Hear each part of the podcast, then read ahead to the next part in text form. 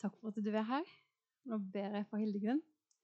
Takk for de, de tingene som hun har forberedt. Jeg ber om at du må bare puste liv i alt, og at eh, vi må sitte med åpne hjerter, så vi kan ta imot det som du har for oss. Jeg ber om at du må velsigne Hildegunn i familien og i arbeidet. Og nå. Amen. Tusen takk.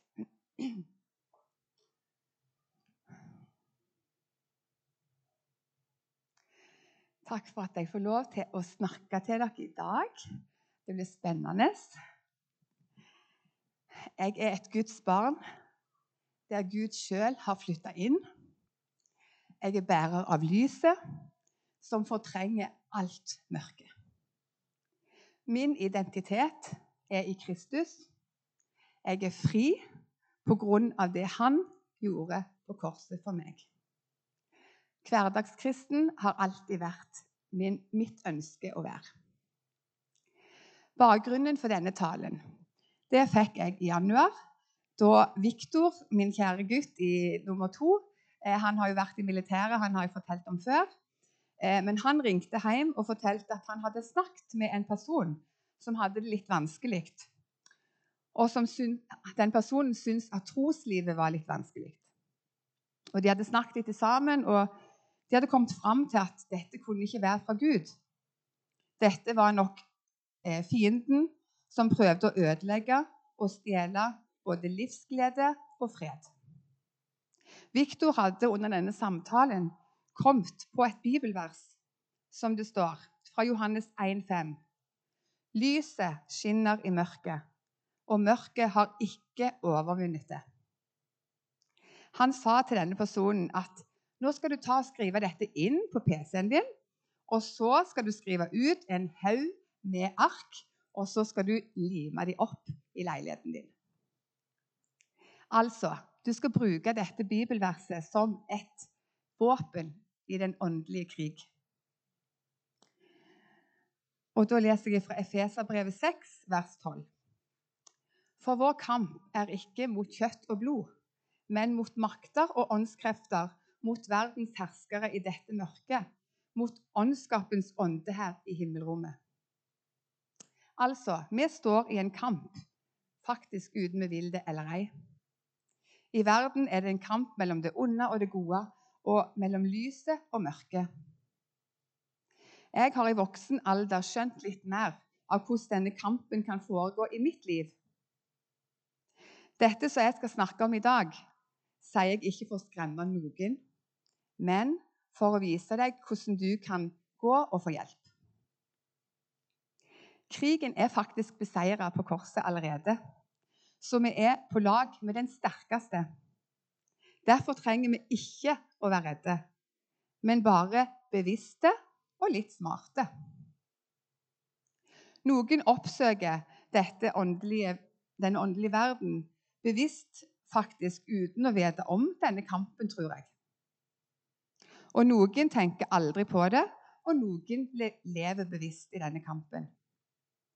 På Vigeland har Arthur Robertsen han har virkelig stått i denne kampen, og han har ofte sagt tyven kommer bare for å stjele, drepe og ødelegge. Hvorfor er det så viktig å være bevisst på denne kampen? Jo, sånn at ikke vi skal bli lurt. I andre land kan vi høre kanskje om onde ånder og det, finnes her òg, men ofte er de litt mer skjult her i Norge, som, som vi bor. I vårt land så foregår mye av kampen faktisk her oppe. Den foregår i tankene våre. I Hverdagsbibelen så står det vi lever i en kamp. Selv om vi er vanlige mennesker, så kjemper vi ikke denne kampen på verdenspremisser. Fordi våpnene vi bruker, er ikke noe vi henter fra oss selv de ble gitt oss av Gud. Med disse våpnene kan vi rive ned store tankebygninger som har reist seg i oss. Vi bryter med stolte argumenter og alt som går imot vår kunnskap om Gud. Vi har en fiende som herjer i sinnet vårt, og som lar falske tanker feste seg i oss. Men med Guds hjelp tar vi hver tanke til fange og tvinger den til å være lydig mot Kristus. Store tankebygninger. Det kan være tankemønster som vi har fått, oss helt, fått med oss helt fra vi var små. Det kan være noen som har sagt en ting som har festa seg helt inni her. For eksempel du er ikke god nok. Det kan være en opplevelse eller mange opplevelser som har gjort at dette er blitt en sannhet i ditt liv. Dette er løgn. Du er skapt i Guds bilde av Mesteren sjøl. Du er helt unik. Du er kongsdatter eller kongssønn. Gud elsker deg så høyt at han gav livet sitt for deg. Men har en fått denne tanken, da kan den prege livet. Alle valg, faktisk. En vil kanskje miste frimodigheten, kanskje en blir passiv. Alle andre er jo så mye bedre enn meg. Fienden elsker det. Hvis han kan holde deg tilbake fra å bli den som Gud vil at du skal være. Det fantastiske er at Gud kan sette fri fra sånne tanker. Jeg har fått lov til å være med og be for ei dame der tanken om at hun ikke var god nok, hadde satt seg helt fast. Den hadde vært med å prege livet over mange år. Hun følte alltid at alle andre var bedre, at de gjorde alt bedre, at de hadde finere klær og alt dette. Vi hadde vært på tur. Det det jeg dere ikke kjenner, det er med jobben min. Eh, og hadde, hun hadde hatt det helt forferdelig på den turen. For disse tankene hadde dominert hele turen. Og så hadde vi en samtale når vi kom hjem, så sa jeg er du villig til at, at fienden skal stjele hele denne turen for deg? Og nå er han faktisk i, ferd med å stjele min tur òg. Så sa hun nei. Så sa jeg, 'Får jeg lov å be?' Så sa hun ja, det får du lov til. Og hun var ganske mørk i øynene. Det var ganske sterkt. Og så ba jeg. Og jeg vil si at jeg nesten ropte i bønn. Jeg ba ganske sterkt, for å si det sånn. Og så så, så jeg at det, hele ansiktet forandra seg, og hun ble helt annerledes. Og hun sier sjøl at det var som ei jernklo som hadde vært rundt hjertet hennes og blitt sterkere og sterkere og sterkere. Og så tøyd det ut til slutt, så vi andre så det. Eh, og nå fikk hun bli helt fri. Jernkloa ble helt tatt vekk, og hun ble helt fri. Så poenget mitt er når vi får kobla på Jesus Og når jeg begynte å be, så var det akkurat som kloa slapp. Og jeg så en stor forandring, og hun ble mildere og lettere. Og hun var så letta etterpå. Lyset fikk seire over mørket. Nå stråler hun faktisk. I mitt liv så kom fienden med frykt. Frykten satte seg fast i kroppen. Jeg hadde det i mange år. Eh, og jeg har nok vært redd som liten, som jente, men når jeg ble voksen, eh, så kom han for fullt. Og det største ønsket mitt var å leve med glede og fred. Jeg ble bedt for, og jeg kjente freden kom faktisk flere ganger. Men han prøvde seg igjen og igjen. Men en dag så var Gud gikk tur. Det var egentlig helt tilfeldig. Vi var på stranda, jeg og ei venninne. Plutselig så så jeg det. Jeg så at han satt her fienden min. Og så sa han det er veldig lurt å være litt redd.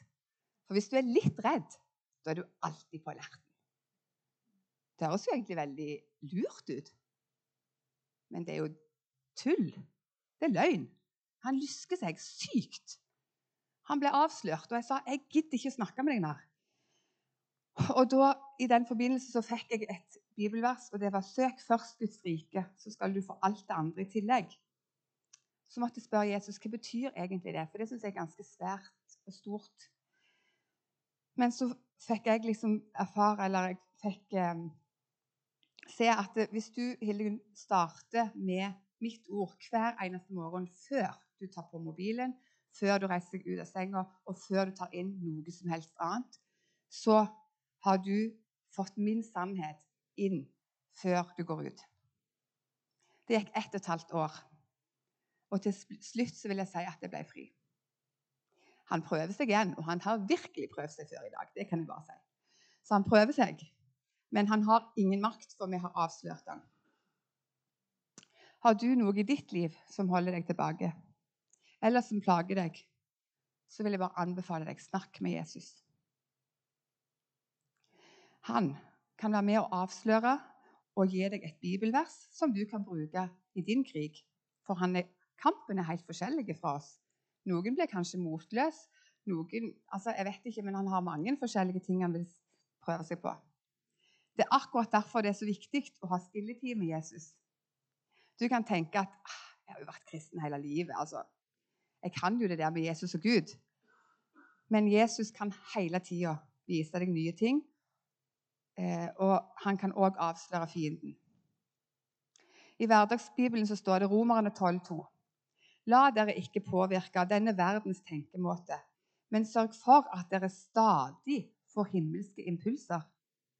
La Gud påvirke deres måte å tenke på, slik at dere til enhver tid kan vurdere hva som er Guds vilje med deres liv.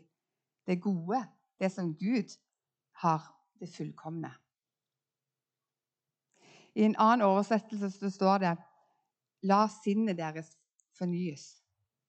La Jesus fornye sinnet, og det er en kontinuerlig aktivitet. Jeg ble si jeg ble veldig glad når jeg forsto at Viktor hadde lært allerede nå som ung at han kunne faktisk være med og avsløre fienden og få et våpen som en kunne bruke i denne kampen. I Efeserbrevet 6,13 står det Ta derfor på Guds fulle rustning, så dere kan gjøre motstand mot den vonde på den, og bli stående etter å ha overvunnet alt. Stå da fast, spenn sannhetens belte rundt livet, kle dere i rettferdighetens brynje. Stå klar med fiendens evangelium som sko på føttene. Hold alltid troens skjold høyt. Med dette kan dere slukke alle den ondes brennende piler. Ta imot frelsens hjelm og åndens sverd, som er Guds ord. Ikke bli redd, den sterkeste er med oss. Jeg elsker lyset. Lyset trenger rett inn. Jeg elsker sol, store vinduer og mye lys. Å gå hjem på ettermiddagen på ski og ha sola rett i ansiktet, det er helt fantastisk. Og kampen står mellom lyset og mørket, og lyset er alltid sterkere enn mørket. Jesus vant, og du har vunnet. Gud er lys, og i ham finnes det ikke noe mørke. Det står det i Johannes 1,5. Johannes 8,12. Jesus er verdens lys. Når du har tatt imot ham, er du bærer av lyset. Det skinner gjennom deg. Altså, vi føler det kanskje ikke alltid sånn, men det skinner uansett.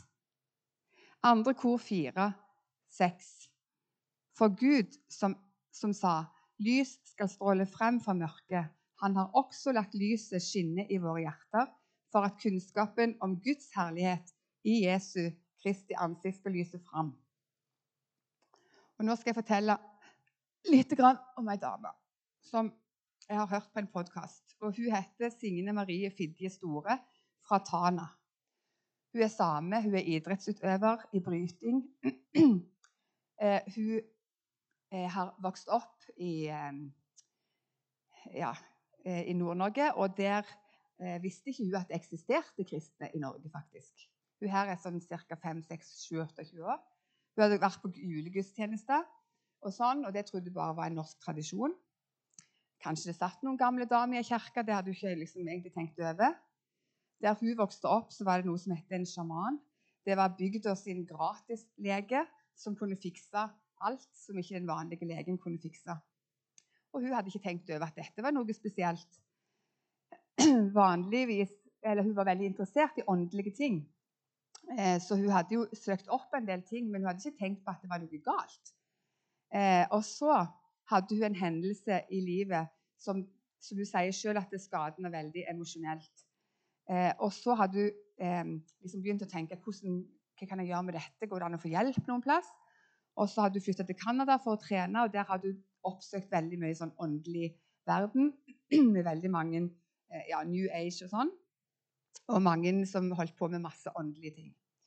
Og så fikk hun ei veldig god venninne der, og hun var veldig eh, inne i dette med sjamanisme. Og hun sa at du må ha en, en, en healing. Du må ha en healing, hadde hun sagt. Så tenkte hun ja, ja. Jeg vet jo ikke noe om dette, så jeg må bare prøve, da. Så hun prøvde det, og det var helt forferdelig, egentlig. Men hun ble ikke redd, sa hun. Men det var, ja, hun så mange ting. Og så sier hun ja, hvor dum går det an å bli? Så sa, så sa hun venninna at hun hadde hatt det sjøl og hadde blitt veldig helbreda. Og så tenkte hun liksom ja, jeg synes det var veldig rart. Det var veldig mye mørkt hun hadde sett på dette ritualet. Eh, og så sier hun venninna ja, da tror jeg vi må prøve en gang til. Så tenkte hun, det var litt merkelig, dette her. Hun, hun trodde ikke helt på dette. Så hadde hun søkt sjøl på Google fra, lys, nei, fra mørke til lys. Bare søkte opp på nettet. Og der kom det jo opp en hel haug med kristne som hadde vitnesbyrd forsto ingenting og hadde aldri skjønt at det var noen som liksom brukte dette, eh, altså å være kristne, sånn som dette. Så hun hadde liksom søkt opp, og det var, det vitnesbyrd, sa hun. Den var helt genuin. Altså, de var helt ekte, disse folka. Og de så, så, de så ut som de snakket så sant. Så hadde hun begynt å sagt liksom OK, Gud, hvis du fins, så kanskje ikke jeg skal gjøre dette siste. For hun hadde jo hun hadde anbefalt å gjøre en gang til. Så sa hun det er jo helt teit at Joran var så dum og tro på dette, men hun hadde tenkt å gjøre dette. da. Så hun gikk til hun venninna i denne her, eh, leiligheten hennes, og det var der det skulle skje. Eh, og der eh, hadde, de, hadde, hun et tempel, eller ikke tempel, men hun hadde et sånn alter og forskjellig. og Hun gikk inn der og ja, kjente ikke noe spesielt. Men så rett før de skulle begynne dette ritualet, så sa hun Jesus, hvis du fins, så må du stoppe dette. Og så hørte hun ingenting og gjorde ingenting, så tenkte jeg ja, jeg får bare være med på dette. Så var hun med på dette her ritualet. da, Det var jo varte i flere timer. De er inne i en sånn psykose nesten. og ja, bla, bla. Og så, når hun våkna for denne, bom, så ble hun livredd. Da følte hun bare at det, det, det, mørke, kom, altså mørke kom imot henne. Og så så hun kunsten som var inne i det rommet. alt det var jo åndelig kunst. Så hun bare Du må få vekk dette her, liksom. Og så så ja, var hun så redd, så hun sprang inn på badet. Så Det var helt teit å gjemme seg der, men jeg bare gjemte meg der. for jeg skulle gjøre meg av, for jeg var livredd. Og der kom Jesus. Det kom en kjærlighet og en glede og en fred som hun aldri hadde opplevd før. Var, ja, var, jeg, jeg, klarer ikke å forklare det, og hun klarte ikke heller nesten å forklare det. Men altså, Jesus kom midt i det mørkeste mørket, i den leiligheten som var full av alt galt. Der kom Jesus. Og, og hun bare hun hadde jo aldri hørt om han før, men hun merket han så enormt sterkt. Og han leder henne til eh, en menighet, og han leder henne videre. Og hun er kristen i dag, og hun forkynner om dette. Og det var virkelig ifra direkte mørke til lyset som kom ifra Jesus sjøl. Eh, og jeg mener ikke at vi skal absolutt ikke at vi skal fokusere på mørket, vi skal fokusere på lyset, men vi skal være klar over Og det er enormt mange i dagens samfunn som har masse uro, og som søker alt mulig. Eh, som ikke søker Jesus, tror jeg, men som vi kan faktisk guide til Jesus. Og eh, på Vigeland var det òg noen fra Evangeliesenteret. Det var jo òg virkelig sterkt å høre på. Så løfter. Gud har gitt oss så mange løfter i Bibelen, og de kan vi stole på. For Gud han kan ikke lyge. Det står det i Titus 1,2. Håp om evig liv. Dette liv har Gud, som ikke kan lyve, gitt løfte om fra evighet av. Og så tenkte jeg skulle bare vise den. For dette, når du er i militær, så er det noe som heter hvilestilling. Da står du sånn. Og da står du på to bein. Så hvis noen kommer, så står du faktisk ganske trygt. Står du sånn hvilestilling, så står du ikke akkurat så veldig trygt. Men det var bare et eksempel på at vi kan få lov til å stå trygt på løftene som Jesus har gitt oss. Eh, og kampen I min kamp så fikk jeg et vers, og der står det Frykt ikke, for jeg er med deg. Se deg ikke engstelig om, for jeg er din Gud. Jeg styrker deg og hjelper deg og holder deg oppe med min rettferds høyre hånd. Dette fikk jo jeg i januar, og jeg må jo si at jeg syns jo at det har blitt ganske så poengtert hos Arthur Jeg kaller han for Arthursen. Nei, Arthur Robertsen. Han sier 'tro på, stol på og gønn på'. Og jeg elsker å være med i denne kampen, der lyset skal få overvinne mørket, og få lov til å be for folk og se når Gud setter fri fra mørket. Men som jeg innrømmer at av og til så blir jeg litt redd. Så var jeg ute og jogga her en dag, så tenker jeg åh, ja, jeg, jeg, kan bli redd for at de skal ta Ulrik, f.eks. min lille skatt. Altså, jeg kan bli, sånn, jeg kan bli redd at, de, at djevelen skal angripe andre plasser. Men så må jeg bare holde fast på det. at det har han sagt at han skal være med oss gjennom alt. Men når jeg jogga på denne joggeturen min, så plutselig fikk jeg et bilde, og jeg får aldri bilde. Men jeg fikk et bilde at Jesus han sitter liksom på en stol, og så har han på seg hvit kappe. Og så henger den, Hvis han sitter, så henger den kappen over alt her. Og så får jeg lov å sitte under der. Under stolen og under kappen. Der er jeg helt trygg. Det er ingen som kommer inn. Og så, når jeg skal krige, altså når jeg skal be eller være i den krige, så får jeg lov å sitte på fanget. Og der på fanget der holder han meg jo fremdeles fast. Eh, så jeg kommer jo ikke noen vei. Sitter, eller, ingen får ta meg, og jeg kommer heller ingen vei, men jeg kan sitte der og allikevel bruke sverdet som er Guds ord, og få lov til å eh, krige der. Men jeg er trygg. Og lille Ulrik, som jeg da kjenner på, han har jeg lagt i Guds hender, han òg. Så da går det an å stå i denne kampen allikevel. Så nå skal jeg si et veldig fint vers til slutt. Han som fyller oss med sin kraft, og som er i stand til å gjøre så uendelig mye mer enn det vi ber om og forstår. Han skal få all ære. I det var slik her. I menigheten, i alle generasjoner og i all evighet. På grunn av det Jesus Kristus gjorde for oss. Amen.